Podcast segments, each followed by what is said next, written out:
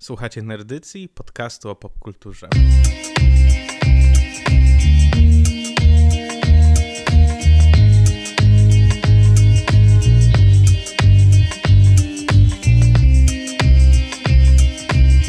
Ja nazywam się Kuba i jest ze mną jak zawsze.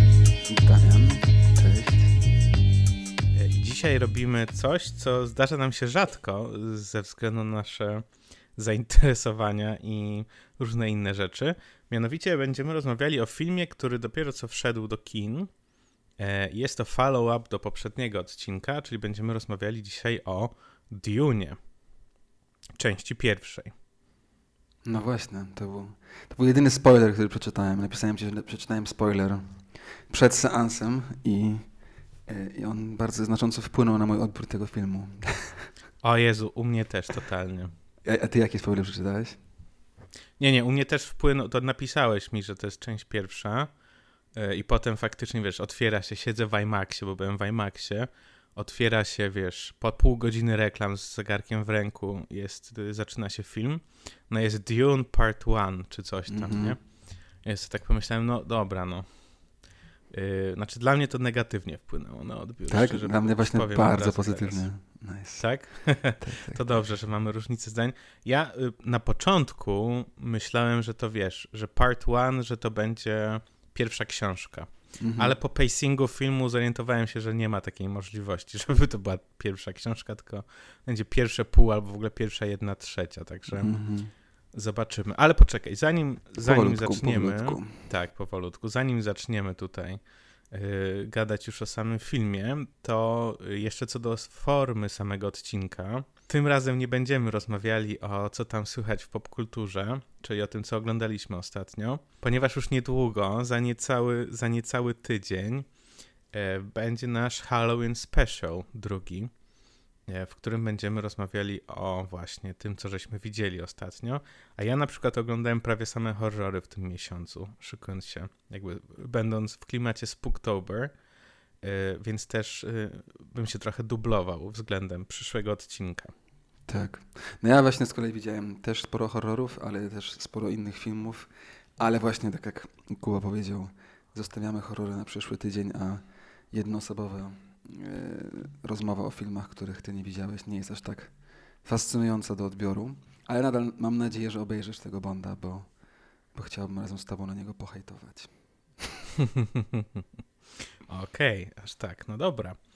E, słuchaj, to co, jak robimy? Czy mm, zaczynamy... No przede bo wszystkim wysłałeś- trzeba tak Mhm. zrobić, że i ty i ja ten film wczoraj oglądaliśmy tego samego dnia i o nim jeszcze nie rozmawialiśmy, nie pisaliśmy. Nikt nie wie nic. Ja nie wiem, czy ci się podobał. Nic nie wiem. No, y, Więc Ja chcę powiedzieć, że wysłałeś mi gifa z tego, wysłałem ze. SpongeBoba, Nie mogłem, się, po- nie mogłem się powstrzymać. który wskazywałby na to, że ci się podobał ten film. Tak mi się wydaje. Tak ja odebrałem tego No, To gifa. jest, wiesz, szkoła czytania memów. Tutaj można się spierać. Y, Ale no więc no, ja może... Mhm. powiedz. Serio. Ja, ja bym może zaczął, nie wiem, tak sobie pomyślałem, takie miałem, taką miałem wizję, że zaczniemy od tego, że powiemy na skali od 1 do 10, jak nam się podobał. Ty i ostatnio masz potem- taką wkrętkę w tę skalę, co? Mam straszną W ratingi i w ocenianie filmów w ratingi. No bo założyłem sobie konto na IMDb, w sensie zacząłem go używać, bo miałem już bardzo dawno, ale zacząłem go używać, wiesz. No nie wiem, jak nie chcesz, to nie, taka nie, nie, tylko to propozycja. oczywiście, chętnie. Możemy Dobra, tylko... to... y, Taki rating zawsze jest problematyczny, bo oczywiście jest uproszczeniem, generalizacją i jakimś takim, no wiadomo, ale może nawet będzie śmiesznym początkiem, żeby się gdzieś tam osadzić w swoich okopach, czemu nie. Zaznaczmy od razu, że mm, moja skala od 1 do 10 jest trochę inna niż twoja, bo y, według ciebie żaden film nie ma dziesiątki. Mam, jest parę filmów, yy, ale jest ich bardzo mało, którym dałem 10, no bo dla mnie 10 to jest no 10 na 10, czyli pełna perfekcja. No? Film, do którego absolutnie nic nie mam co się do przyczepienia i po prostu jest ym, mistrzostwem świata. Yy, więc dla mnie 8 na 10 to jest generalnie najwyższa ocena, jaką daję zawsze. W sensie 8 na 10 to jest tak po prostu już naprawdę super film. Yy, No a 5 to jest bardzo źle. Także generalnie moje oceny oscylują między 5 a 8. Jestem bardzo. Mam moją Okej. zaniż- bardzo zawężoną skalę. Czyli tak naprawdę od 1 do 3 powiedzmy operujesz. Tak. No w sensie jakby Y, poniżej 5 to, to zakładam, że to jest naprawdę okropne, okropne badziewie. Więc czasem tak się zdarza, ale wtedy też jestem bardzo krytyczny. No, jakby doceniam, że film to jest wiele ludzi, którzy na nim pracuje, coś tam. Ale tak, ostatnio widziałem bardzo dużo słabych filmów, więc pięć to jest taka moja, wiesz, czy nowy Mhm. polski film o akcji Hyacynt to było pięć, to był bardzo zły film. No, zastanawialiśmy się, czy to obejrzeć, ale no, jednak doszły głosy, że słabe. No dobra, w każdym razie moja skala, faktycznie ja staram się być, staram się być tutaj bardziej uczciwy moim zdaniem. Mm. Y, to nie jest, to nie jest diss na ciebie, tylko jakby Nie, moje... nie, tylko troszeczkę. No, tylko troszeczkę. No, dla mnie dziesiątki y, występują, ale też pięć to jest taki przeciętny film. Mhm. W sensie, tak jak ty byś dał akcji Hyacynt piątkę, ja tego filmu nie widziałem, ale załóżmy, że jest słaby, dałbym mu, nie wiem, cztery albo trzy. Mhm. Y, Więc dla mnie taka bardzo dobra to jest dziewiątka. Mhm. No idealna to jest oczywiście 10. Wiadomo, że coś tam może mi się nie podobać w tym filmie, albo coś mogło być lepiej zrobione. No ale 10, no to tak jak mówisz, faktycznie taki niedościgniony ideał, ale zdarzają się. Mm. Y, No to ja może zacznę, ile dałem temu filmowi, Zacznij, tak sobie na zacznij. razie w serduszku. Zacznij. E, I, I moim zdaniem to jest 8,5. Okej, nice. No, ym, ja dałem mu dziewięć. Uuu. Też się nad tym zastanawiałem. Była, była chwila ciszy. 9, no. Ale, ale tak naprawdę jest to 8,5. Też pewnie. Ale jakby dlatego, że miałem tak niskie oczekiwania i byłem tak negatywnie nastawiony do tego filmu, a tak pozytywnie mnie zaskoczył, że pomyślałem sobie, dam mu tę dziewiątkę. Bo to ma znaczenie oczywiście. To jest ten rating jeden z 60 tysięcy. Nie, 160 tysięcy właśnie widzę. Tak, bo trzeba zaznaczyć, że ty z tego co wiem nie przepadasz za reżyserem Villeneuve'em. A czy u mnie to jest trochę taki, wiesz, solidny bias, bo po prostu jest tak, że em, strasznie, strasznie zabolał mnie e, Blade Runner 2049. E, uważam, że był beznadziejnym filmem, okropnym, okropnym sequelem, e, w ogóle nie wpasowanym w to, czym pierwsza część była. No tak jak rozmawialiśmy. Więc trochę przez to, jak Blade Runner był fatalny, jestem jakoś tak negatywnie nastawiony do, do Denisa. Ale tak wiesz, żeby prawdzie spojrzeć w oczy, no to jest tak, że Arrival był jednym z moich ulubionych sci-fiów, jak wyszedł do kin. Y, oprócz wątku politycznego, który był y, radykalną propagandą antychińską. Ale rozumiem, że musiał tak zrobić ze względu na, nie wiem, producentów czy cokolwiek. Ale jakby wizualnie i jako sci-fi bardzo mi się podobał. Y, Sicario był porządnym filmem akcji i jakby też doceniam. Nie widziałem tych jego wczesnych filmów. To jest rzeczywiście, jakby nie jest tak, że wiem dużo. Także tak naprawdę widziałem trzy jego filmy, z czego dwa mi się podobały, jeden nie. Ale jakby przez to, jak bardzo Blade Runner był fatalny moim zdaniem, to tak bardzo na niego sobie hejtowałem od tych czterech lat. Ale tak, zrozumiałem po tym seansie wczoraj, że on po prostu od zawsze czekał, aż dane mu będzie nakręcić Dune i po prostu pomyliły mu się franczyzy. I myślał, że z Blade Runnera może zrobić Dune. I to mu nie wyszło, a jak z Dune zrobił Dune, to no właśnie, całkiem mu to wyszło, muszę przyznać. Więc jestem, nie jestem takim okropnym typem, widzisz. To mogę, mogę przyznać się do błędu, że wcale nie było tak źle z Denisem tym razem. Okej, no to się cieszę, bo ten film mi się bardzo podobał. E, Trochę zazdroszczę ci tego, nie wiem czy w końcu oglądałeś tą intermisją sławną, e, czyli z przerwą w środku. Mi by się Nie, przydała nie. ta przerwa, nie? No, Nie, ale oczywiście trafić. y, nie poszedłem do toalety w reklamach, bo bałem się, że nie zdążę i no, długi film. Długi. Ja musiałem wyjść e, na szczęście w momencie, kiedy e, nic się nie działo Mhm. takim jednym, mniej więcej w połowie filmu. No i tak, tyle. To co, Mhm. słuchaj, bo żeśmy taki trochę wstęp zrobili meta, y, to może przejdziemy już do samego filmu, co ty na to? Tak, no myślę, że możemy zrobić paralelnie, równolegle do odcinka poprzedniego, jak mieliśmy naszą pierwszą Dionę. I tam też trochę obiecaliśmy, że, że w tym odcinku trochę będziemy bardziej mówić o, o tych książkach, jakichś tam innych wątkach. No i mamy ten nowy film, wokół którego to się wszystko kręci. Yy, Ja nie byłem pewien, czy on ci się spodoba. Byłem bardzo ciekaw, co powiesz, więc cieszę się, że tak się nawzajem zaskoczyliśmy. Yy, Ale też w sumie spodziewałem się, że będziesz też fanboyował. Yy, No to może zacznijmy tak po prostu, wiesz, jak zwykle od takich ogólników. Co, co cię zaskoczyło najbardziej, albo co ci się najbardziej spodobało? Yy, wiesz, na taki wstęp. No więc ogólnie dla mnie mm, jakoś ten film tak dzielę na dwie części. Y, I pierwsza część, w sensie pierwsza połowa tego filmu, powiedzmy, co nie jest dokładnie połowa, ale umowna połowa, jakoś dla mnie była trochę lepsza niż ta druga. Y, I tam mniej więcej ta pierwsza połowa kończy się jakoś w momencie przylotu już na Arrakis. Albo raczej zbombardowania pałacu, czyli tego, jak mhm. Harkonnenowie najeżdżają Atrydów. Y, ale nie mówię, że ta druga część była słaba. Po prostu pierwsza mi się bardziej podobała, ze względu na to, że jak oglądałem szczególnie te momenty y, lądowania tych statków na, na planecie, mm, nie pamiętam jak się nazywała, Kaladan e, i tak mhm. dalej, to i, i, jakby w tym IMAXie, gdzie ten dźwięk jest taki potężny, ten obraz jest taki, wiesz, imersyjny bardzo, to mi się tak kojarzyło jakoś w ogóle z y, Odyseją kosmiczną. Mm. Te takie długie ujęcia i taka y, epicka muzyka y, i te visualsy takie no piękne, w ogóle scenografia, kostiumy, designy statków y, mm. i tak dalej były po prostu mega. Mega, mega, tak, mega. No zacznijmy od tego może, co? Od, od, od warstwy wizualnej w takim razie, czy co? Mhm. Jak już przy tym jesteśmy. Możemy tak bo, zrobić. Y, bo jakby tych wątków jest bardzo dużo i, i, i trochę się bałem, że będzie taki fanboyowy odcinek. że będziemy się nawzajem podkręcać, jak bardzo wszystko było super, ale z drugiej strony czemu nie? Właśnie wczoraj idąc do kina, czy rano wychodząc, bo kino mieliśmy wieczorem, a, a przedtem jeszcze coś tam robiliśmy innego, ale właśnie zastanawiałem się, jak byliśmy na spacerze w lesie, że że strasznie dawno nie było takiego filmu, który by mi się tak po prostu podobał, że zachodzi, że no mam niby te Gwiezdne Wojny, ale ten ostatni, Rise of Skywalker, no taki był z zaciśniętymi zębami, no w sensie bronię go, ale... No, mm-hmm. Palpatine somehow returned. Tak, jakby no generalnie nie, wiadomo, no problematyczne to było.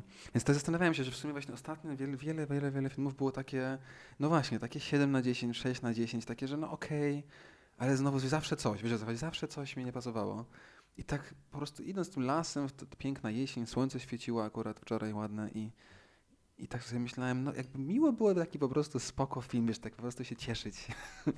I, I tak też było w tym filmie, także jeśli chodzi o tę wersję wizualną, to też było coś, co mnie od samego początku, od pierwszych scen od razu byłem taki wow. Ja nie byłem w IMAXie niestety, ale, ale mimo to w kinie, więc duży ekran i dźwięk.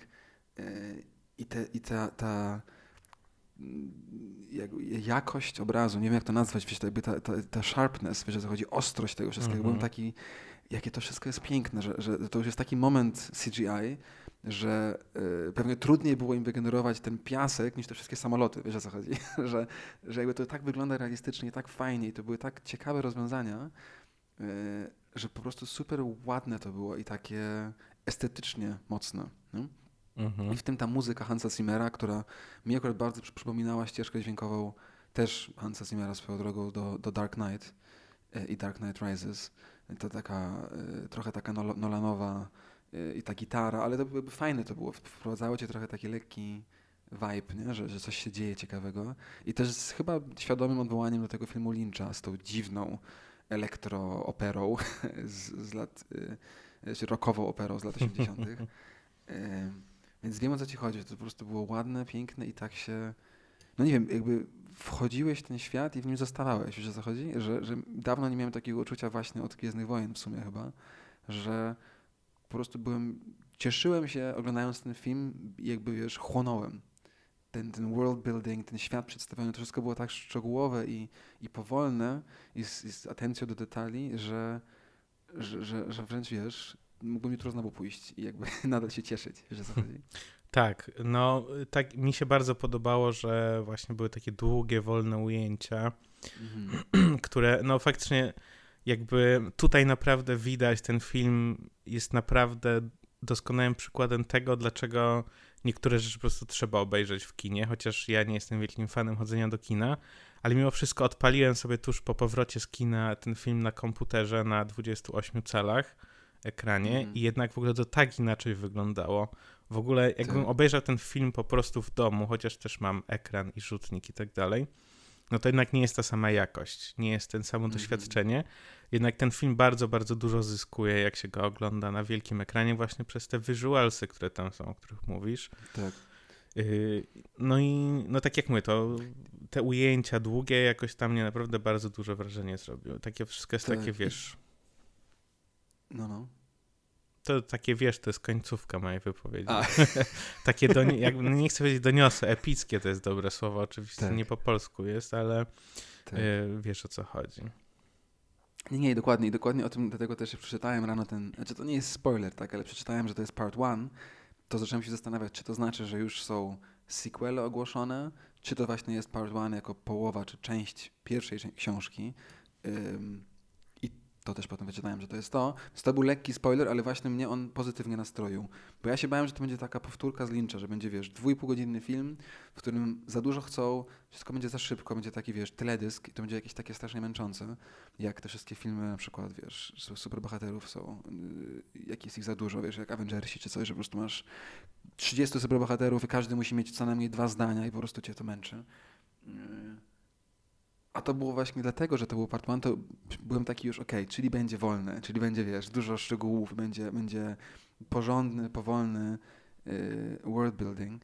I, i, I jest tak, że to jest jeden z pierwszych od dawna takich właśnie epic yy, sci-fiów, który działa, moim zdaniem. No. I to było super zobaczyć, że, że nadal da się takie filmy robić. Nie mam pojęcia, czy będzie popularny, nie wiem, czy zarobi na siebie i czy, czy w ogóle zrobią te kolejne sequele. Mam nadzieję, że tak, bo myślę, że to byłoby fajne i, i ciekawe. E, I też dźwięk, to było coś, co wiesz, powiązane z wizualsami w kinie.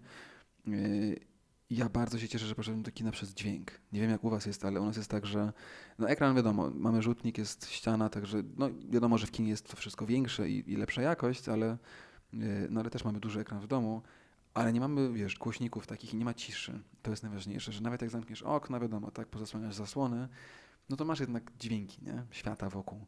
A w kinie jest ta absolutna cisza i w tym filmie, nie wiem, czy też na to zwróciłeś uwagę, Kuba, ale było dużo celowych scen po prostu ciszy, takiej kompletnej ciszy.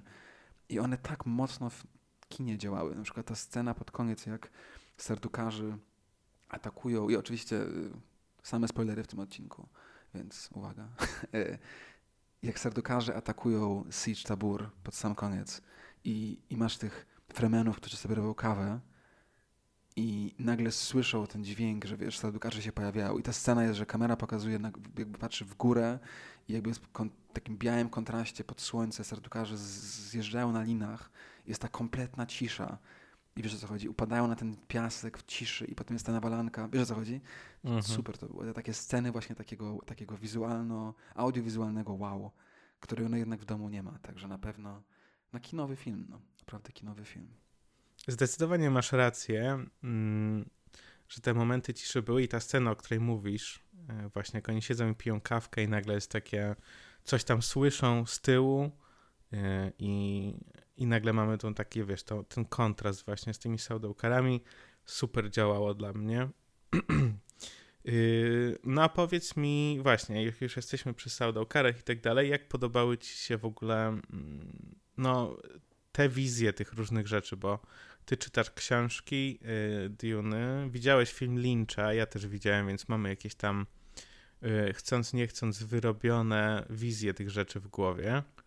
E, jak, two, jak, jak dla ciebie to wszystko działało, jeśli chodzi o kostiumy i w ogóle visualsy? No bo już trochę sobie powiedzieliśmy o samych jakby ujęciach, o tych, że są epickie, że z muzyką super działają i tak dalej, a jak same jakby właśnie statki kosmiczne, mhm. ornitoptery, kostiumy mhm. i tak dalej? Tak.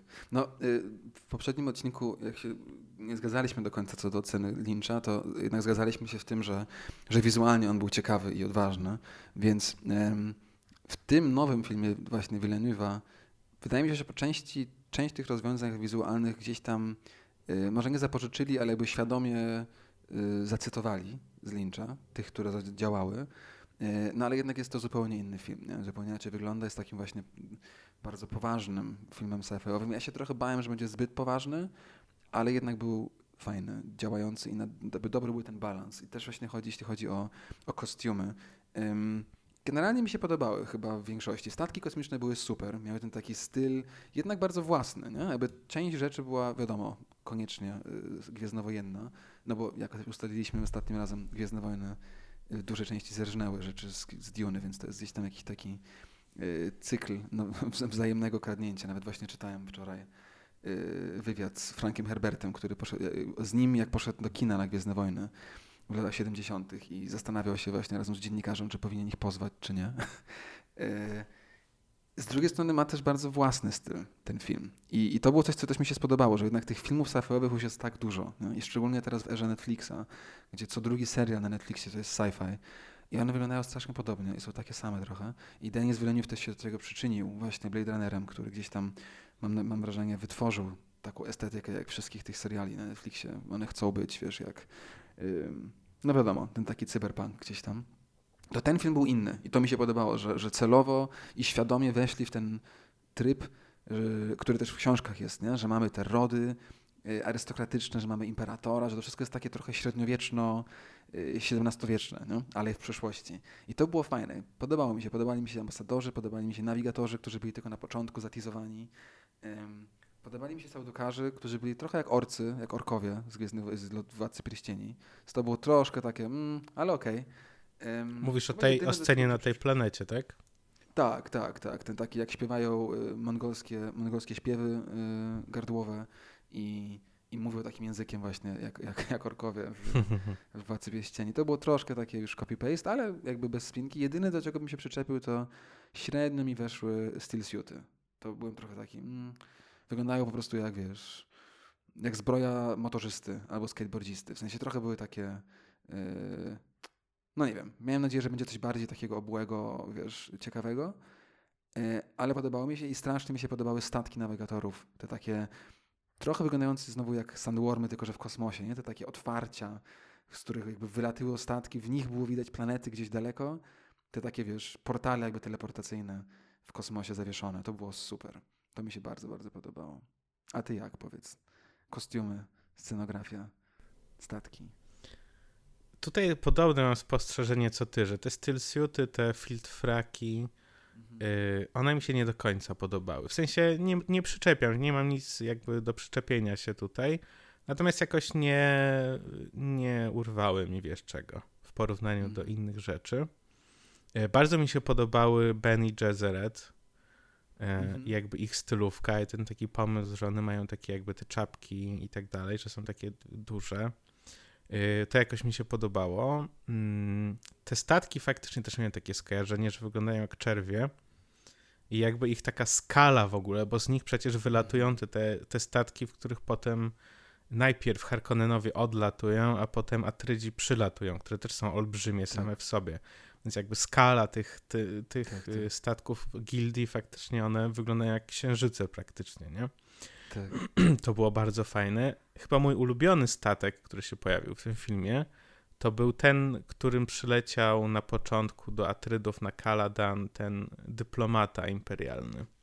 Mhm. Ten, albo nie wiem, czy to był dyplomata, czy, czy Ben i Jezert. Chyba nie tym samym. Takim statkiem jajem przylecieli jakby. Tak, tak, tak. Ten tak, statek tak. jajem mi się bardzo podobał.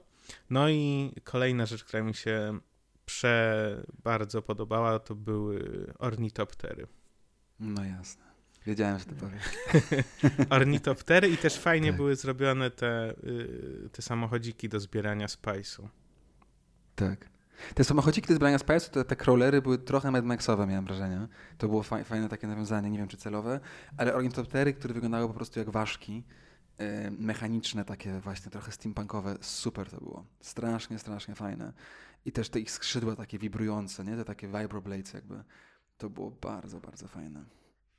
Bo mi się jeszcze a propos tego, co mówisz, te ornitoptery kojarzą trochę z takim sci starym science fiction, jakimś takim, nie wiem dlaczego mam w głowie, że francuskim, ale jakoś mi tak kojarzą z takimi komiksami francuskimi science fiction starymi, że tam jest mm. jakiś taka, taki, tych latające ważki, tak mi się te, jako statki tak kojarzy, więc jakieś nawiązania na pewno to są. Właśnie zastanawiam się, na ile to jest tak, że ten film, wiesz, trzeba porównywać do tej wersji Lyncha, a na ile nie. I mi się wydaje, że wcale nie trzeba, bo, bo y, one są, jakby bazują na tym samym tekście źródłowym, na książkach, ale jednak ten film Lyncha i ten niedoszły film Chodorowskiego i ten miniserial latach 2000 ja, ja bym w ogóle...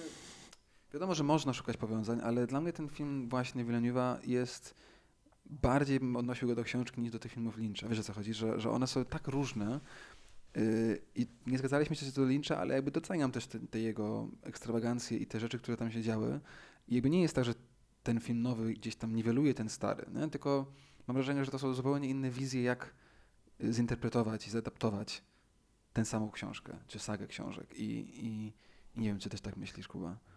Yy, czy raczej to widzisz jako gdzieś tam w świadomym dialogu z Lynchem?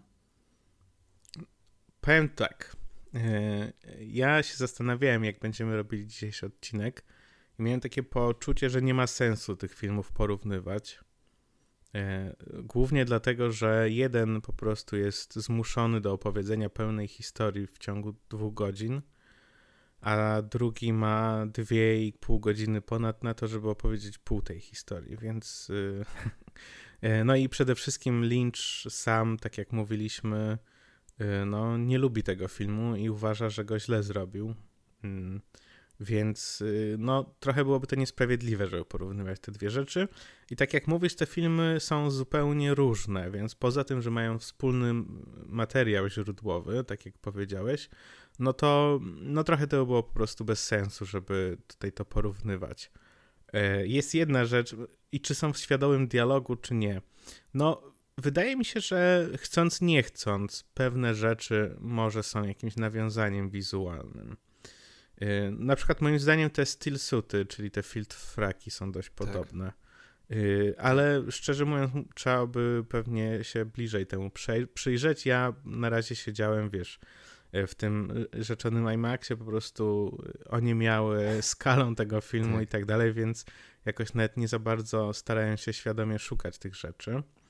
E, natomiast mhm. jedna rzecz, e, która na początku wydawało mi się, że będzie cheesy strasznie i że mi zepsuje mhm. ten film, e, która mi od razu przysz, przywołała na myśl to, co ty mówiłeś w poprzednim odcinku o tym, że, że Fremeni i Paul w pewnym momencie mają jakąś taką umiejętność, że takie pistolety mają czy coś, taki krzyczą coś Pamiętasz no, to? Lyncha. Chucksa. Tak, Chucksa. I tutaj... Nie zapomnę tego nigdy. I jak pierwszy raz się to pojawiło w tym filmie, o czym zaraz powiem, to od razu mi przyszedłeś na myśl i chodziło mi mhm. o to, jak był e, The Voice, czyli jak ten głos był używany, ten rozkazujący głos. Bene Gesserit. Benny Gesserit, tak, Bene Gesserit. I na początku wydawało mi się, że to będzie strasznie cheesy, jak Jessica mówi, użyj głosu, żebym ci podała szklankę wody. I na początku wydawało mi się, że będzie słabe, ale potem już jakby dalej w tym filmie, moim zdaniem, to jest moje pytanie do ciebie, jak tobie się to podobało, ale moim zdaniem to było super rozwiązane, szczególnie jak ta matka przełożona używa go pierwszy raz na polu Atreidisie. E, mhm. Jest jakby taki jump w czasie w ogóle, że on nie wie, co się dzieje i nagle przed nią klęka. E, tak. To mi się podobało, już potem to kupiłem. E, w tych scenach w ornitopterze mhm. i tak dalej nie było cringe'u, nie było cheese'u, więc dla mnie to było spoko, a co ty o tym myślisz? Tak, no właśnie, ale właśnie tak, bo ym, dlatego też zapytałem cię o tego Lyncha, bo zaczęliśmy te, te, ten wątek od ornitopterów, tak, i o tym, jak one wyglądają, jak są zrobione i są zupełnie inne niż Lyncha. Yy, I dlatego się zapytałem o tego Lyncha, bo wydaje mi się, że dlatego ten film, moim zdaniem, też nie ma go porównywać po co, bo to są zupełnie inne wizje i pomysły na to, jak odnosić się do tekstu źródłowego. I wydaje mi się, że ten film właśnie, o którym dzisiaj mówimy, traktuje tę sagę książek Duny bardzo poważnie i raczej stara się tak dokładnie oddać to, jakby, jakby to mogło wyglądać w ramach jednego świata, że to jest bardzo e, spójne i, i też świadomie nawiązuje do różnych rzeczy. I ten ornitopter właśnie, od którego zaczęliśmy, to mi się strasznie spodobało, że wygląda tak gdzieś tam biologicznie, tak jak ważka czy coś, no bo jednak cała saga Duny jest o y, terraformacji, tak, i ta istota natury i wody i to wszystko istotne. Wiesz o co chodzi, że to są takie elementy bardzo świadome, które są szczegółami, ale to są takie szczegóły, które ja uwielbiam właśnie w porządnych, epicznych sci-fiach. I tak samo z tym voice'em.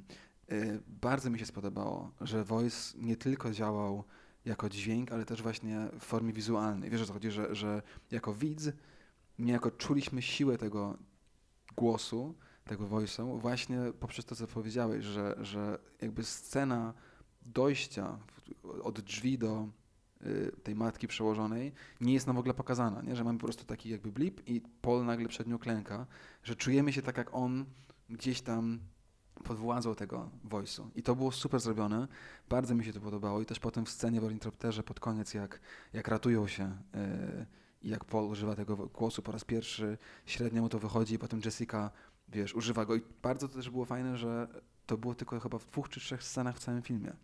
Wiesz o co chodzi, to było fajne, tak jak w Ulincza ten, ten cholerny Chucksa, po prostu przez 20 minut trzeba było tego oglądać i słuchać, to było okropne. E, to tutaj to było bardzo świadomie niedoużyte. Wiesz o co chodzi, underused, że jakby świadomie mhm. było tego mniej niż mogło być, ale te dwa czy trzy razy, kiedy to się dzieje, to jest moc.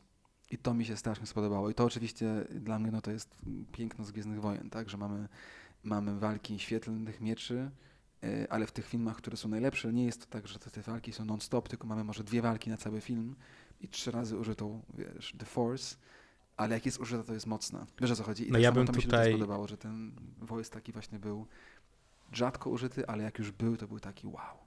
Ja bym to bardziej przyrównał nawet yy, nie do Star Warsów, a do Władcy Pierścieni yy, i do mm, Gandalfa i jego używania magii. Tak. Jeśli chodzi o częstotliwość i też. jakby moc. Tak, tak, tak.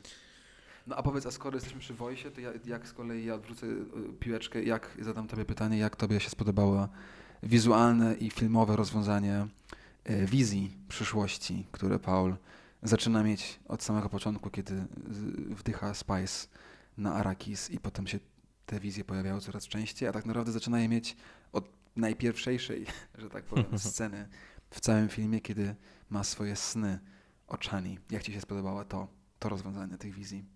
Właśnie dla mnie one były takie nienachalne, e, w tym sensie, że jakoś tak płynnie splatały się z tym jakby z bieżącymi wydarzeniami. I jakoś tak mm, mam nadzieję, że celowo, może trochę projektuję na ten film i chciałbym, żeby był lepszy niż jest, ale wydaje mi się, że tak jest, że jakoś one się tak przeplatają z teraźniejszymi wydarzeniami bardzo płynnie i jakoś tak wskazują na to, że Paul widzi e, teraźniejszość, przyszłość i przeszłość w tym samym czasie już w pewnym momencie książki. Jeśli dobrze mhm. pamiętam. I dla mnie jakoś one się tak... Yy, tak właśnie dobrze splatają z, tym, z tymi wydarzeniami bieżącymi. Nie wiem, czy tak. też no, masz takie ja, odczucie. Ja, ja, też nie wiem. Tak, no ja też oczywiście muszę uważać, no bo tych, te książki znam tak dobrze i, i gdzieś tam ten świat znam tak dobrze, że może łatwiej mi jest to mm, zrozumieć, jakby wiesz o co chodzi, że, że nie jestem może osobą, która do, do oceniania tego, ale moja partnerka, która książek nie czytała i przy filmie Lyncha była bardzo skonfudowana tym wszystkim, co tam się działo, szczególnie od drugiej części, to w tym filmie w ogóle nie miała takich uczuć i, i, i jakby w pełni śledziła akcję, wiesz o co chodzi. I jakby to było dla mnie dowód, że, że to, jak to jest pokazane, jak to jest opowiedziane, działa, nawet dla ludzi, którzy nie wiedzą, yy, nie znają kontekstu tak, tych książek i tego, tego wszystkiego. Szczególnie pod koniec, jak jest ta scena, w której yy, Paul zabija Jamisa i ma jakby jedną wizję, w której to on umiera i potem jakby świadomie wyko wykonuje zupełnie inne ruchy, żeby jego zabić. I jakby to było tak fajnie, wiesz, do, doprowadzone do tego momentu, że zaczyna się od tych takich y, glimpses, nie, tych takich scen, trochę słońca, trochę śmieczani, coś tam i jakby coraz one są dłuższe i, i bardziej do, dokładne, że też jako widzowie przygotowuje nas to na, do, tego, że rozumiemy pod koniec filmu już, ok, czyli on widzi alternatywne sposoby, jak się może rozwinąć w przyszłość i sobie wybiera z nich to, co będzie pasowało.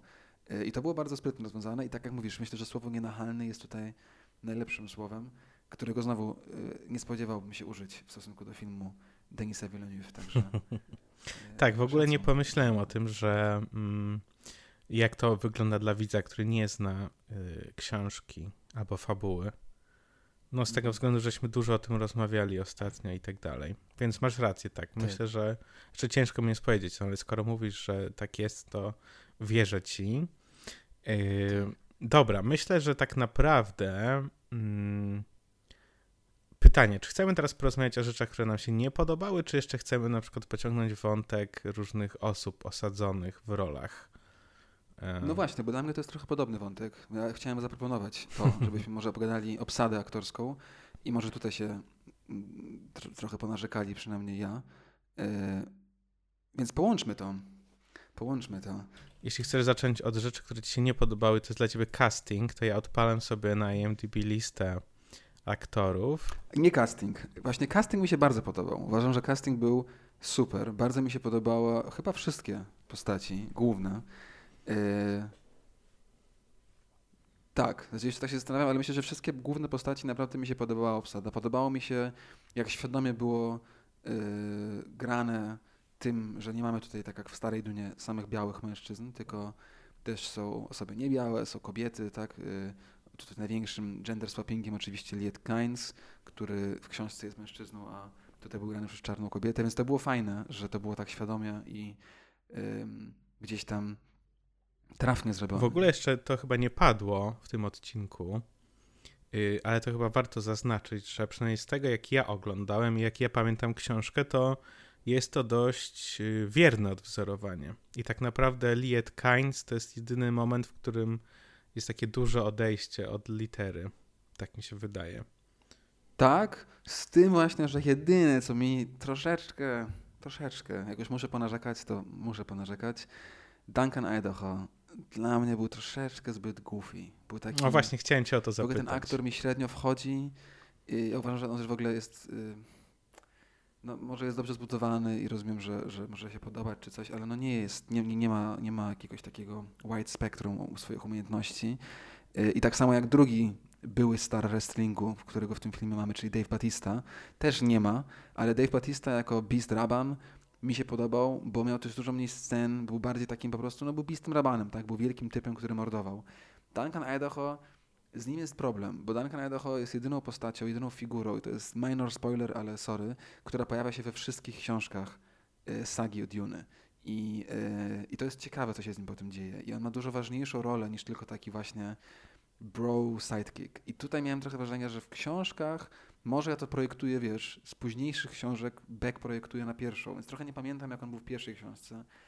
Ale nadal miałem wrażenie, że on w pierwszej książce był bardziej taką figurą ojca niż takiego bro. A w tym filmie on był takim trochę śmiszkiem yo bro, wiesz o co mm -hmm. chodzi? I trochę dla mnie to było takie, że... Mm, głównie właśnie dlatego, że wiem, że on będzie się pojawiał w kolejnych filmach i, i, jakby mam nadzieję, że to nie będzie ten kierunek. Może oni chcieli go zrobić takiego tutaj, żeby potem też znacząco go zmienić później. Może to jest celowe, ale on był jedynym, jedyną właśnie w castingu, który byłem taki mm, średnio mi przed. No właśnie się chciałem ciebie zapytać. E, jakoś tak podskórnie czułem, że Duncan Idaho to jest dla ciebie ważna postać. E, nie wiem, bo mi się zawsze kojarzyło, że bardziej Gurney Halleck jest jednak taką postacią ojcowską. Czy jakąś taką poważniejszą, ale nie wiem, może ty masz to bardziej na świeżo i więcej przeczytałeś, także się nie będę kłócił. Mi akurat, ja bardzo lubię Jasona Momoa, więc e, on mi nie przeszkadzał. Mm, bardzo mi się podobał Stellan Skarsgård jako Baron Harkonnen, który grał Stellana no. Skarsgård. No właśnie, ale do Harkonnenów jeszcze musimy dojść. To, do, zostawmy Dobra. sobie Harkonnenów jeszcze. Yy... Bo to jest, wiadomo, też u Lyncha duży wątek. Thanos? Ale tak, mhm. Stellan Skarsgård dobrze osadzony. Zgadzam się. Yy, Thanos jako Gernie Halek yy, też mi w miarę odpowiadał. No, on i Duncan, ja jestem taki okej. Okay. W sensie Gernie Halek spoko. Troszkę żałuję, że nie było ani jednej sceny śpiewania. W sensie Władcy Pierścieni, szczególnie w ten extended cut, jak non-stop śpiewają, yy, mi to nie wchodzi. W książce w Dune Gurney Halleck non-stop śpiewał i może gdyby jedna była taka scena, to myślałem, wiesz, byłbym taki jeszcze bardziej happy, ale rozumiem, że to może nie był, nie był tego typu film ta Duna, musiał być bardzo serio, ale on też mi średnio, szczerze mówiąc, także Gurney Halleck i Duncan Idaho to są jedyne dwa, może też dlatego, że zbyt mało ich było, mam wrażenie, ten Gurney też dość szybko potem znika, wiesz, jak już przelatują na Arakis, to potem go już w ogóle nie mm -hmm. widzimy, aż do sceny ataku, Y, Harkonnenu, więc trochę miałem taki niedosyt, jeśli chodzi o Gerneya, szczerze mówiąc. Sam Josh Brolin, ok, w sensie ani nie jakoś super, ani nie jakoś nie super, ale troszkę niedosyt, nie wiem, czy to jest tak. Okej, okay, a to nie jest ale tak, że on się pojawia potem? Yy... W drugiej części, w sensie w pierwszej książce on tak. powraca, tak jest, bo on zostaje, on dołącza się do szmuglerów, no do przemytników i potem powraca, więc możliwe, że potem wróci, to prawda. E, znaczy na pewno wróci, ale. E, no Natomiast ja, jeśli chodzi o takie osoby, które mi nie odpowiadały, yy, mhm. ale to też jest bardzo drobne, jakby. Yy, pierwsza to Jessica, grana przez Rebecca Ferguson. Myślałem na początku, że mi nie będzie odpowiadała do tej roli, jak ją zobaczyłem na ekranie, mhm. ale potem mi to przeszło, jednak mi się podobało.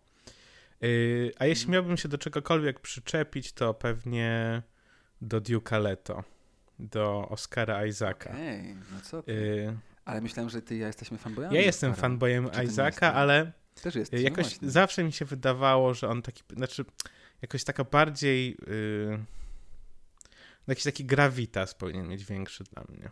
Że jak on powinien być taki bardziej, yy, jakiś taki aktor, który by tak bardziej miał taką, wiesz, jakoś tak zapamiętałem z książek i w ogóle, który miałby jakiś taki większy, no nie, taki presence.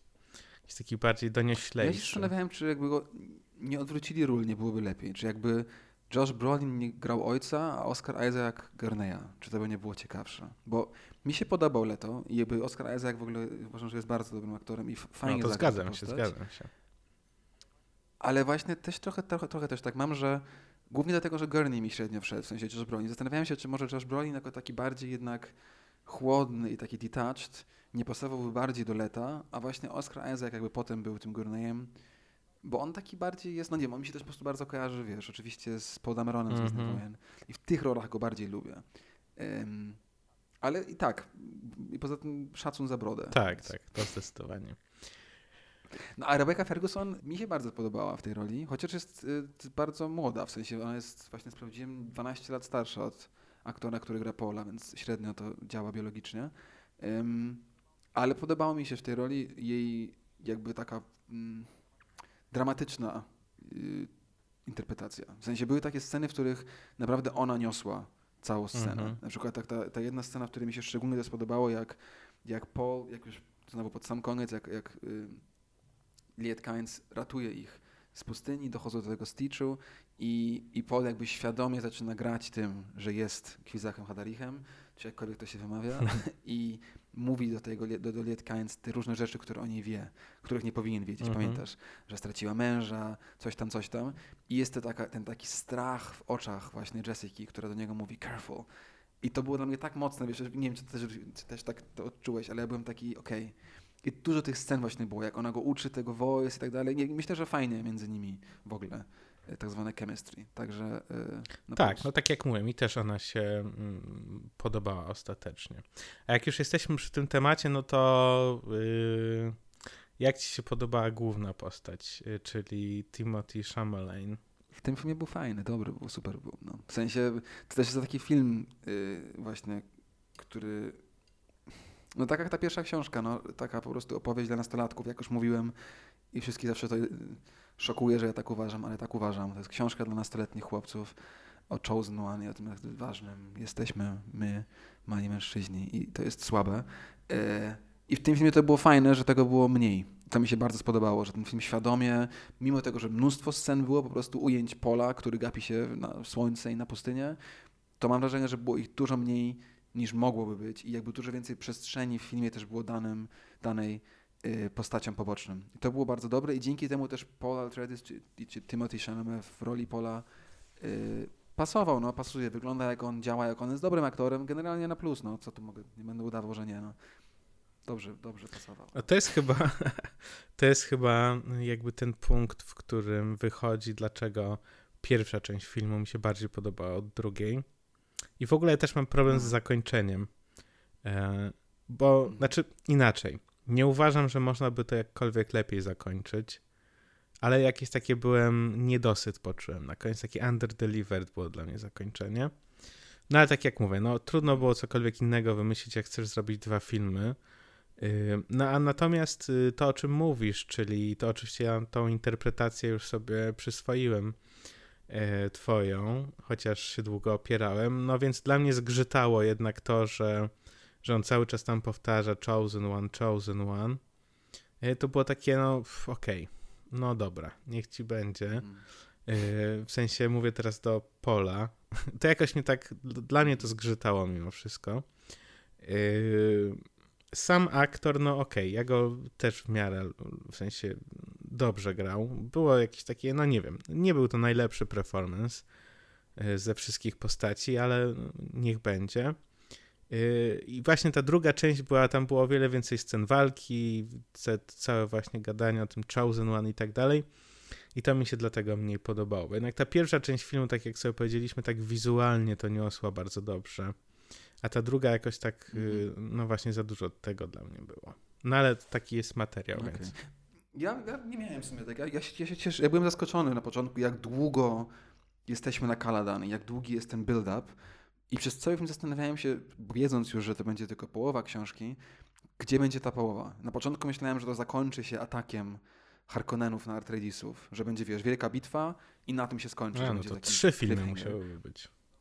No właśnie, ale przez to, jak on powolny, powolna była sekwencja w Kaladan i jak szczegółowo byłem taki, okej, okay, to jednak coś innego musi być.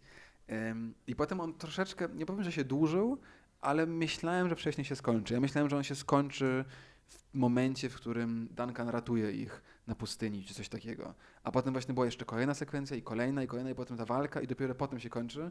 Więc troszeczkę też było, może 10, 10 minut wcześniej skończył. Jakoś gdzieś w momencie, gdzie on zabija Jamisa. Tak, tak. Tak. No właśnie, no ale... Okej, okay. mi się Javier Bardem z kolei bardzo podoba jako Stilgur, e, Stilgar, znowu postać, którego Lyncha w ogóle by została sideline'owana i, i e, tutaj gdzieś tam mam wrażenie, że będzie oddana mu jego rola właśnie takiego mentora na pustyni, więc to fajne, że tak jest. No i Zendaya jako Chani też super, ona jest w ogóle super, także generalnie myślę, że fajny cast. Też podoba mi się, że jesteś świadomy ta gra wiekiem, nie? że Paul i Chani jednak są znacząco młodsi, przynajmniej to tak jest wizualnie zrobione od tych innych, że gdzieś tam jest ta taka y, napięcie między tymi, tymi wszystkimi postaciami, no na mhm. plus. No dobra, czyli tutaj tak naprawdę mam do ciebie jeszcze no. jedno pytanie, zanim dojdziemy do jakiegoś no, podsumowania. Y, a, jeszcze Harkonneni są. Dobra, to przejdźmy przez Harkonnenów, a potem zadam swoje pytanie. No właśnie, bo z Harkonnenami, jak mówiliśmy, i to głównie ja się wyżywałem na linczu za jego homofobię, yy, u Lyncha był problem, w książce też jest problem. No a jak tam u Villeneuve'a? Jak, jak uważasz rozwiązanie Harkonnenami, z Harkonnenów w tym filmie? No na pewno jest lepiej. na pewno jest lepiej, to prawda. Y, no Stellan Skarsgård jako Baron Władimir Harkonnen mi się podobał. Y, ale dla mnie, no nie wiem, z jednej strony oni są w książce tacy, a z drugiej strony dla mnie jakby tak było pół stopnia za mocno to zrobione. W sensie pół stopnia, gdyby nocz mniej, gdyby zrobili to, to wizualne zepsucie, byłoby dla mnie lepiej. Czyli mm ten mentant y, harkoneński miał taką jajowatą głowę i taki był trochę przerysowany dla mnie aż nadto. Sam Vlad Harkonnen 10 na 10 podobał mi się. Natomiast y, jakby te wszyscy sidekickowie i tak dalej, trochę dla mnie zbyt przerysowani, a już najbardziej tym jakby szczytem przerysowania i jedynym, chyba jedyną rzeczą, która mi się tak naprawdę nie podobała w tym filmie, to był ten taki pet gimp e, Harkonnenów na Giddy Prime. Ta taka jakaś takie stworzenie, co miało dużo rąk i tak ja nie, nie wiadomo o co chodziło. Nie strzeliłem, tak, nie zrozumiałem do czego to było nawiązania. Ja nie, nie, nie wiem, czy to jest coś, czego nie pamiętam z książek, czy to było coś, co oni tu dodali. Byłem zaskoczony tym bardziej, że to się pojawia tylko w jednej scenie, nie? Tak randomowo. Gdzieś tak, z boku coś mu dają do jedzenia, on potem odchodzi, to była jakaś taka mieszanka jakby rąk z twarzą. Trochę, trochę nie wiedziałem, tak, zapomniałem o tym szczerze mówiąc, bo to było tak krótki taki tylko ten, ale to było, nie wiem, czy to jest coś, co się pojawia w drugiej części filmu, o czym nie pamiętam, nie wiem. Czy to jest nawiązanie nie, już tego... do, tego, do drugiej książki, w której yy, Paul walczy z tym, jak on się nazywał, z tym innym Harkonnenem i jest ta cała, ten duel ich, to, to może to o to chodzi? Nie pamiętam. Pamiętasz, o czym mówię? Yy, mówisz o drugiej części, w sensie o drugiej książce, czy o końcówce tak, pierwszej? Dune Messiah. W Dune Messiah była cała ta, ta cała spina, która u Lyncha była w filmie, że Paul jest wyzywany na pojedynek przez jakiegoś tam... Tak, że tam jakaś arena, kuzyna, coś tam. Tak, na arenie przez jakiegoś kuzyna Harkonnenów, coś tam. Mhm. Nie wiem. Jedyna rzecz, która mi przychodzi do głowy, co to mogło być, to, że to jest żona Yuiego, ale nie wiem, jak to miałoby mieć sens. Mhm. Więc to jest jedyna rzecz, która... rozwiązane w ogóle. Tak. tak. Y, to jest jedyna rzecz, która tam naprawdę mi się nie podobała w tym filmie, czyli ten taki gimpo, nie wiadomo o co chodzi. Y, no i jakości Harkonnenowie, tak jak mówię, Vlad sam 10 na 10, natomiast trochę mogło być trochę jednak bardziej stonowane. Ale nie, to mhm. może się po prostu czepiam y, tak. i tak ten film jest bardzo dobry. A jeśli chodzi o samego Bista Rabana, to akurat też mi się wydaje, że Batista bardzo dobrze do tej roli pasuje. E, bo głównie znamy go jednak z Guardians of the Galaxy. E, potem on grał w jakiejś takiej cringe'owej komedii e, z Kamilem Nanjianim chyba, której ja nie byłem w stanie obejrzeć, wyłączyłem po 10 minutach, ale, no ale w tej roli myślę, że on będzie bardzo dobry, bo y, to właśnie jest taka rola, gdzie nie potrzeba tej subtelności. Tak, tak, tak. tak jak mówisz, że wiesz, Jessica po prostu tak. spojrzeniem niesie całą scenę, no to tutaj jednak zupełnie nie o to chodzi. Tak. E, więc myślę, że będzie bardzo dobrze pasował. No więc tak. nie, nie, mam zarzutów do Harkonnenów. Tak. Nie no, ja jestem generalnie na plus, że jakby wycięta została cały wątek homofobii. To już jest na plus, tak? Że w książce to jest zasugerowane, u Lyncha to było upfront i celebracja homofobii, a tutaj tego nie było w ogóle, przynajmniej ja tego tak nie czytam. Był ten element obrzydliwości, takiej właśnie grubość, otyłość, jakieś takie obżarstwo jako coś złego, no to jest przypał, ale no tak też jest w książkach. Um, Wiem o co ci chodzi, że trochę za dużo. Mi się podobało. Ja, ja raczej miałem spinę z tym, że to było takie, jeśli chodzi już, wiesz, znowu czepiać się szczegółów, że jak to zawsze uwalniwa, że to jest tak kolorami rozwiązane, no. Że Harkonnenowie są tymi, tymi złymi, więc są biali, bla, w sensie bladzi, nie mają włosów, wszystko jest czarne. E, ci inni są dobrzy, więc jest, wiesz, żółto-zielone, że co chodzi. To było troszeczkę takie mm -hmm. już... Mhm. Mm, ale okej, okay, generalnie spoko. Mi się akurat bardzo spodobał Peter de Vries, czyli właśnie mentant Harkonnenów, ale też mentant yy, Altredisów, Tufir Hawat, super też był. W ogóle mentanci byli super, bardzo fajnie no, no, no, no, no. I ten pomysł na to, że jak kalkulują, wiesz, jak używają tych swoich mózgów jako komputery, czy co, whatever, że te oczy im tak się zasłaniają na biało na chwilę. To, to było taki, świetne, wiesz, świetne. Mały, subtelny element, ale super był, no? Tak. tak, zdecydowanie to było super. No i doktor Yue też był fajny, bardzo dobrze osadzony i poza tym jakby nie bali się tego, że osadzili Chińczyka, który też mówił po chińsku, e, znanego w ogóle bardzo dobrego aktora. E, i, I to też było taki mały element, jedna tylko scena, w której to się dzieje, ale spodobało mi się to, że wiesz, e, znowu próba jakiegoś dojścia do, do, e, do tego, jak można, może nie wiem, odzyskać coś, co gdzieś tam było może rasistowskie u podstaw, tak, w Dune, że że jedyny Azjata, który jest też Azjatą w książce jest zdrajcą. Tutaj to gdzieś tam było może troszeczkę pogłębione. Może nie, ale generalnie dobra obsada. No. I fajnie, że mówię po chińsku. Mm -hmm. tak, właśnie też byłem ciekaw, e, co o tym powiesz. Mm, no dobra, czy teraz myślisz, że jest czas na moje pytanie? Jest czas na twoje pytanie. Jest może czas na jakieś podsumowania i jakiś tak, taki może tak. outlook, tak. co byśmy chcieli dalej od tych filmów i tak dalej, ale najpierw zadaj pytanie. No właśnie, to trochę już zatizowałeś moje pytanie. Mm, no więc yy, biorąc pod uwagę to, że do tej pory bardzo wiernie te, ten film yy, trzyma się książki, też traktuje ją bardzo dość yy, poważnie, czy jak, jak widzisz tą drugą część? Szczególnie mówię tutaj o. Bo to jest jedna z rzeczy, które się boję, jak można rozwiązać. Mm. I chodzi mi tutaj o córkę Jessiki, czyli siostrę Pola. Mm -hmm. Jak to będzie rozwiązane? Mm -hmm. No i w ogóle jak widzisz ten film? E, czy będą trzy części, dwie części, jeśli chodzi o pierwszą książkę i tak dalej? -hmm. No właśnie. Z tego, co przeczytałem, bo też nie było to do końca dla mnie jasne i też nie chciałem czytać przed, więc to przeczytałem dopiero po, to jest tak, że pomimo tego, że jest tych scen takich właśnie wybiegania w przyszłość dużo w tym filmie, które mogłyby sugerować, że nakręcili już jakby drugą part two, że jakby kręcone to było, tak się mówi, back to back, nie? że nakręcili dwa filmy w trakcie kręcenia yy, jednego, jak to się często robi, yy, i nie jest tak. Więc to mnie zaskoczyło. Ja myślałem, że wiesz, tak jak nie wiem, James Cameron kręci pięć sequeli Awatara naraz, tak, i po prostu ma y, okres zdjęciowy pięciu miesięcy zamiast tak jak zwykle, nie wiem, dwa, bo jest wygodniej, taniej, tak, musi tylko raz zbudować set filmowy i potem można, no wiadomo.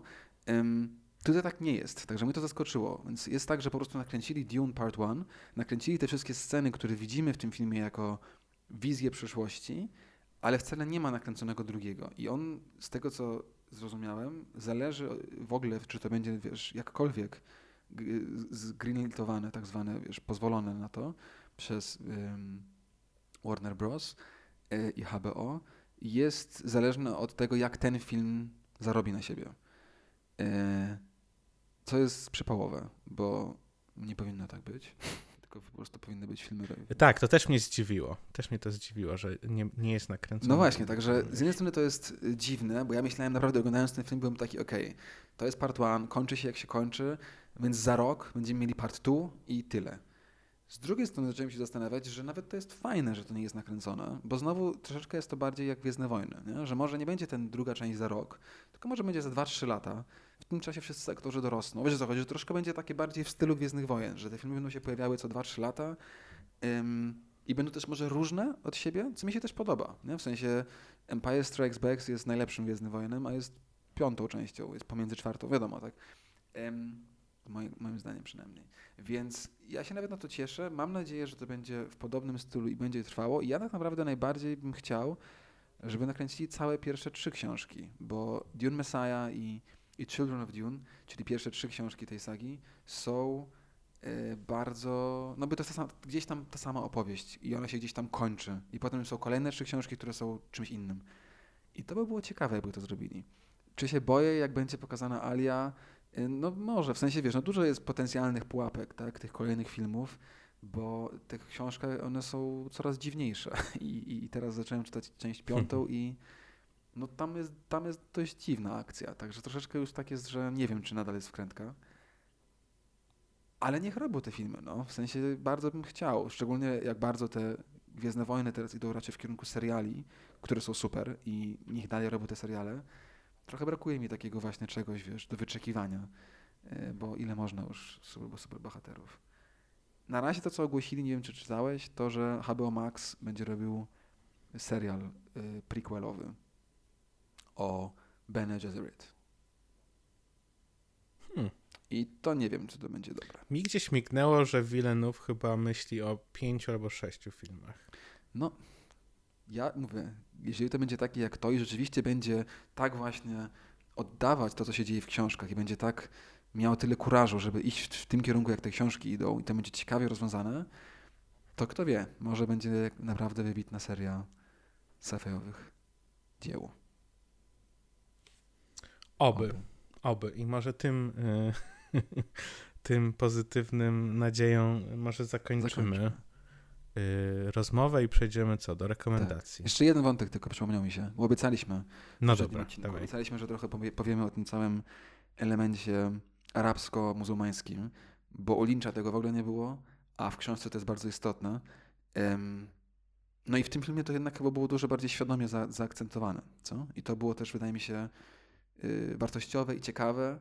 Od jakichś takich scen właśnie, w których cała, wiesz, architektura w mieście wygląda po prostu jak wyjęta z Maroka czy skądś na, na Bliskim Wschodzie, mm, po właśnie te stroje, po ten język, że dużo bardziej to było takie właśnie yy, na poważnie. I, I to mi się spodobało. Nie wiem jak tobie.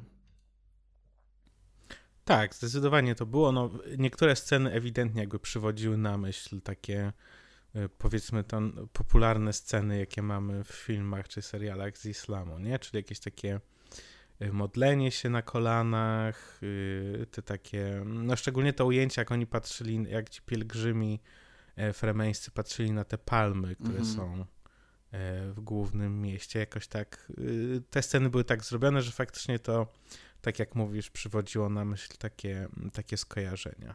I był ten wątek, pewnie można byłoby go mocniej zaakcentować względem książek. Tak. No ale w ogóle trochę to no, tak ale... jest, że mam wrażenie, że ten film był trochę takim testing ground, nie? że dużo rzeczy, dużo więcej i tak niż się spodziewałem, więc dlatego tak bardzo pozytywnie, ale nadal, tak jak mówisz, dałoby się jeszcze bardziej pociągnąć i, i, i jeszcze bardziej w, w nie wejść. Um, I mam wrażenie, że trochę jest tak, że może to był jakiś taki deal nie? między reżyserem a producentami, żeby zobaczyć, jaki będzie odbiór. No i jeżeli rzeczywiście będą kolejne filmy, to trochę mam nadzieję i oczekuję wręcz, że to będzie coraz bardziej w tym w. Wiesz o co chodzi, że te wątki tutaj, tutaj tylko zatizowane rzeczywiście będą się pojawiać i będą dużo bardziej zaakcentowane i gdzieś tam pogłębione. Yy, I to byłoby naprawdę ciekawe. Długoterminowo. Nie? Mhm. No dobra, to co? Kończymy nasz dyptyk o Dune. Skończyliśmy go. Yy, fajnie było. Powrócimy, jak będą kolejne części. No, miejmy nadzieję, tak, że będzie to tryptyk albo i więcej. Tak. I, no i mówię, ja bardzo pozytywnie się zaskoczyłem. I tym starym, może nie bardzo pozytywnie, ale fajnie, że go w końcu obejrzeliśmy i, i obgadaliśmy. I tym nowym bardzo pozytywnie. Cieszę się, że gdzieś tam też dzięki tobie, Kuba, y, poszedłem na ten film do kina i trochę tak się przemogłem, bo no jednak dość mocno hejtowałem na te pierwsze zwiastuny. Byłem taki, a Villeneuve znowu coś wymyślił. A naprawdę dobrze się bawiłem, więc było, było super. E, no, ja ze swojej strony powiem, że mm, obawiałem się tego filmu. Znaczy, czułem, że będzie taki epicki, jeśli chodzi o wykonanie, że no wiesz, takie sceny, tadam. I faktycznie widziałem chyba tylko teaser, y, trailera mm -hmm. nie widziałem. Yy, no i ale bałem się, że będzie, wiesz, takie no, że to będzie takie 7 albo 6, że po prostu będzie nas atakowało tymi wizualnymi rzeczami, a że będzie takie słabe. I bardzo się, i poszedłem z bardzo niskimi oczekiwaniami, oczekując tylko spektaklu. E, I się bardzo miło tak. rozczarowałem, jak żeśmy już tutaj e, fanbojując przez godzinę zdążyli się przekonać. E, I zdecydowanie, no bardzo bym chciał, żeby była kolejna część tego filmu.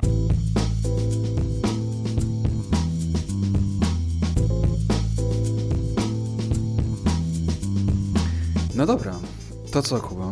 Kończymy tę y, wycieczkę drugą na Arakis. Za niecały tydzień, jak powiedziałeś na początku, słyszymy się znowu specjalnym odcinkiem halloweenowym, także cieszcie się na to i, i, i włączajcie odbiorniki. Będzie spółki. A dzisiaj rekomendacja. Co masz dla nas? Y, no więc moja rekomendacja, słuchaj, e, to jest coś, co ja sobie ostatnio oglądam bo jest nowy sezon, trzeci zresztą. E, to jest film, to jest serial na podstawie filmu e, jednego z moich ulubionych reżyserów, jeśli chodzi o takie rzeczy, czyli What We Do in the Shadows. Co robimy w ukryciu po polsku. To nie jest Taika Waititi? Jest. Czy to jest związane z nim? Czy... To jest, yy, nie wiem czy on to reżyseruje, natomiast to jest na podstawie filmu, który on yy, wyreżyserował. A, okay kiedyś, który był super, super śmieszny i dział się w Nowej Zelandii. E, natomiast y, TV show, czy ten serial, e, dzieje się w, w okolicach po, gdzieś, gdzieś pod Nowym Jorkiem. Staten mhm. Island chyba. E, I jest bardzo śmieszny. I w ogóle polecam. Tak, okay. Waititi jest y, producentem. I on też się zresztą pojawia w tym serialu. E, w różnych momentach.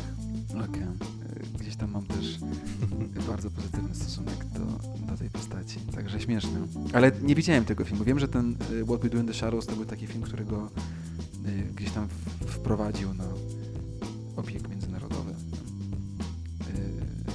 Film zdecydowanie polecam. Serial, wiem, że ty rzadko oglądasz seriale, ale to są takie, wiesz, 30 czy 25 minutowe odcinki E, bardzo luźne, bardzo śmieszne i takie, wiesz, no po ciężkim dniu można sobie obejrzeć odcinek i jakby, mm -hmm. wiesz... Nice, fajnie. No ja mam dzisiaj do powiedzenia yy, trzy kanały na Instagramie. Pomyślałem sobie, że tak polecamy zawsze te same media, czemu nie zrobić yy, dywersyfikacji. Yy, plakaty filmowe. Nie wiem jak ty, Kuba, ale ja mam ogromną wkrętkę w plakaty filmowe. Szczególnie takie robione yy, artystycznie, wiesz, specjalnie, DIY-owo, albo takie właśnie kolekcjonerskie. Zawsze ci wysyłam jakieś różne rzeczy, yy, jak się pojawiają. I też pomyślałem sobie, że warto polecić je naszym słuchaczom. Są tu takie trzy galerie, czy takie jakby, czy na pewno jest ich więcej, ale trzy, które ja lubię. Jedna nazywa się Bottleneck, druga nazywa się Mondo, a trzecia nazywa się The Poster Posse. Wszystkie wrzucimy w opis odcinka. Y, I właśnie szczególnie ten ostatni, czyli The Poster Posse ma od dwóch tygodni serię plakatów Dune robionych przez różnych artystów i artystki online y, ze całego świata. I naprawdę niektóre są